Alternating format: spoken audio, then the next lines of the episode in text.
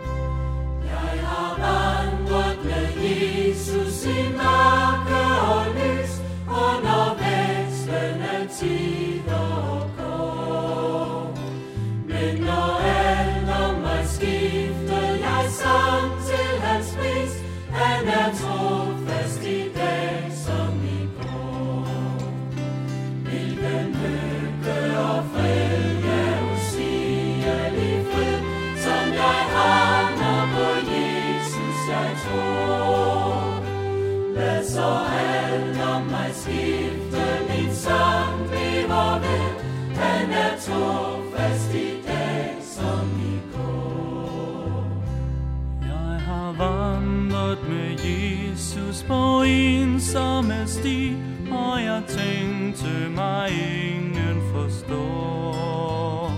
Da jeg hørte en røst som en skøn melodi, jeg er trofast i dag som i går.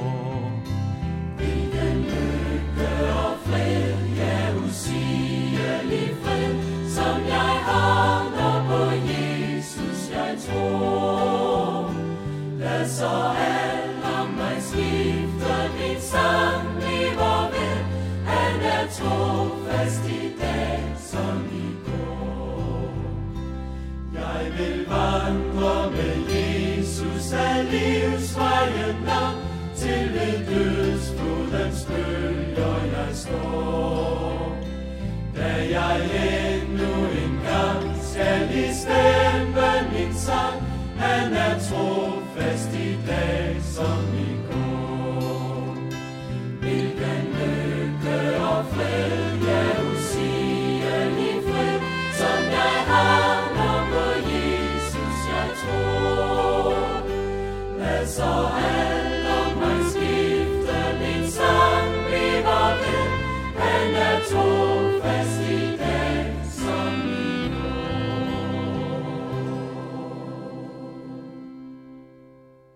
Vi hørte sangen Jeg har vandret med Jesus, sunget af gruppen Primus. Mit navn er Henning Gorte Larsen, og jeg skal holde disse andagter. Som jeg nævnte ved præsentationsudsendelsen, bygger hver andagt på Samuel Rosvalds bog 99 stykker brød, hvorfra jeg læser en andagt nu. Den første andagt har titlen han er der. Jeg læser. Geo var begyndt at gå i skole, men trafikken og et halvskummelt kvarter på skolevejen gjorde, at hans mor gerne ville have, at han skulle følges til og fra skole. Den opgave fik hun nabokonen til at påtage sig, mod en mindre betaling, som kunne supplere hendes førstidspension. Efter godt et år fandt Geo ud af, at der var altså økonomi i aftalen. Og nu fik han den tanke, at de penge kunne han lige så godt selv tjene. Så han sagde til sin mor, at han godt selv kunne finde ud af at følge sig til skole, og derfor gerne ville tjene de penge, naboen fik. Mor sagde ja, på betingelse af, at han ville bruge pengene til julegaver til sine søskende. Flere år senere spurgte Geo søskende ham, om han nogensinde havde tænkt på, hvorfor mor altid var lidt senere hjemme end ham, når han kom fra skole. Det havde han ikke. Men nu fik han forklaringen. Som usynligt værn havde mor hver dag fulgt sin dreng til og fra skole, og samtidig havde han haft glæden af sin løn. På en kristens livsvej kan der være afveje, som kan synes uden problemer, men som fører bort fra målet. Eller et skummelt kvarter, hvor vi møder fristelse til ligegyldighed eller frafald fra troen. Derfor er det godt at blive mindet om følgende.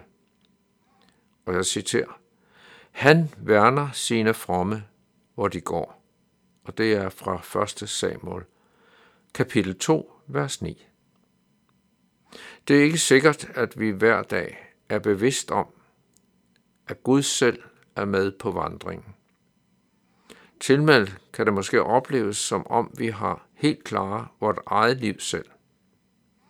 Det kan hænge sammen med, at vi ikke tænker på, at livets medvind og indtægter i form af helbred, familie, materielle goder og meget andet er velsignelser fra Gud. Lad os bruge dagen i dag til at tænke på, hvor godt det er, at vores himmelske far er os nær. Citat slut. I indledningen nævnte jeg, at vi netop er flyttet til lejlighed. I hele flytteprocessen, som var under coronaepidemien, gik det meget træt med at få nogle seriøse køber. Der var en del forbi, også seriøse køber, men så kom coronaepidemien, og de turde ikke. På et tidspunkt var vi så langt i processen, at vi skulle til at betale lejligheden, og vi havde stadig ingen køber. Og da der var gået et halvt år, tænkte vi, at vi måtte skifte maler. Men pludselig dukker der to seriøse købere op.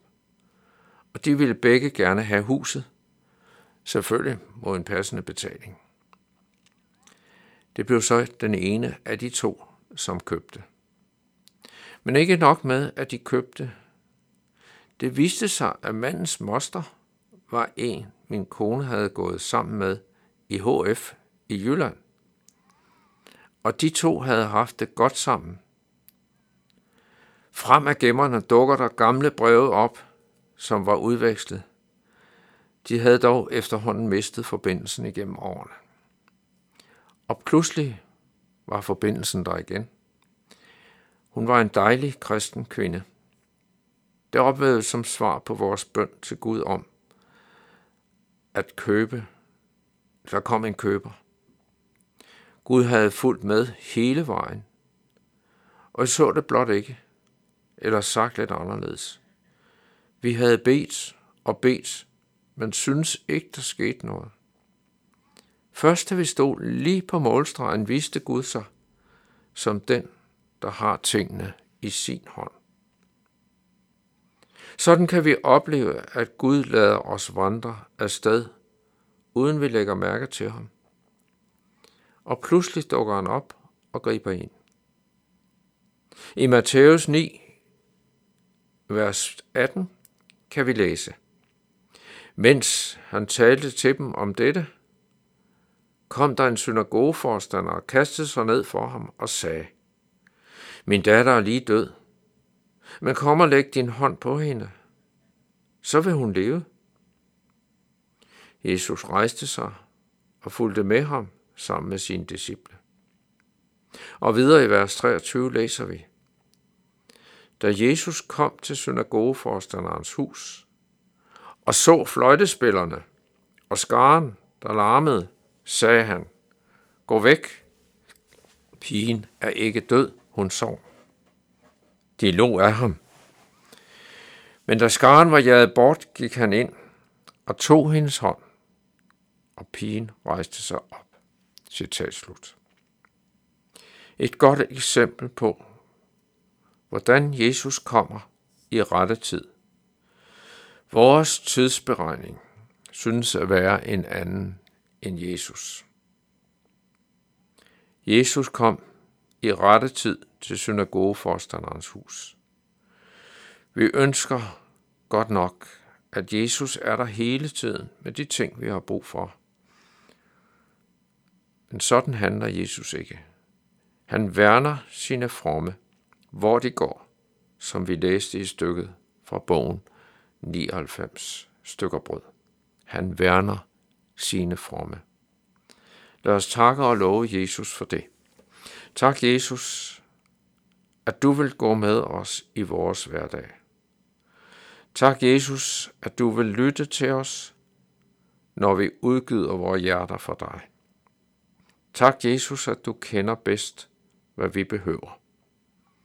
Tak, Jesus, fordi du er den, du er, og vi ikke skal forsøge at tilpasse dig vores ønsker. Amen.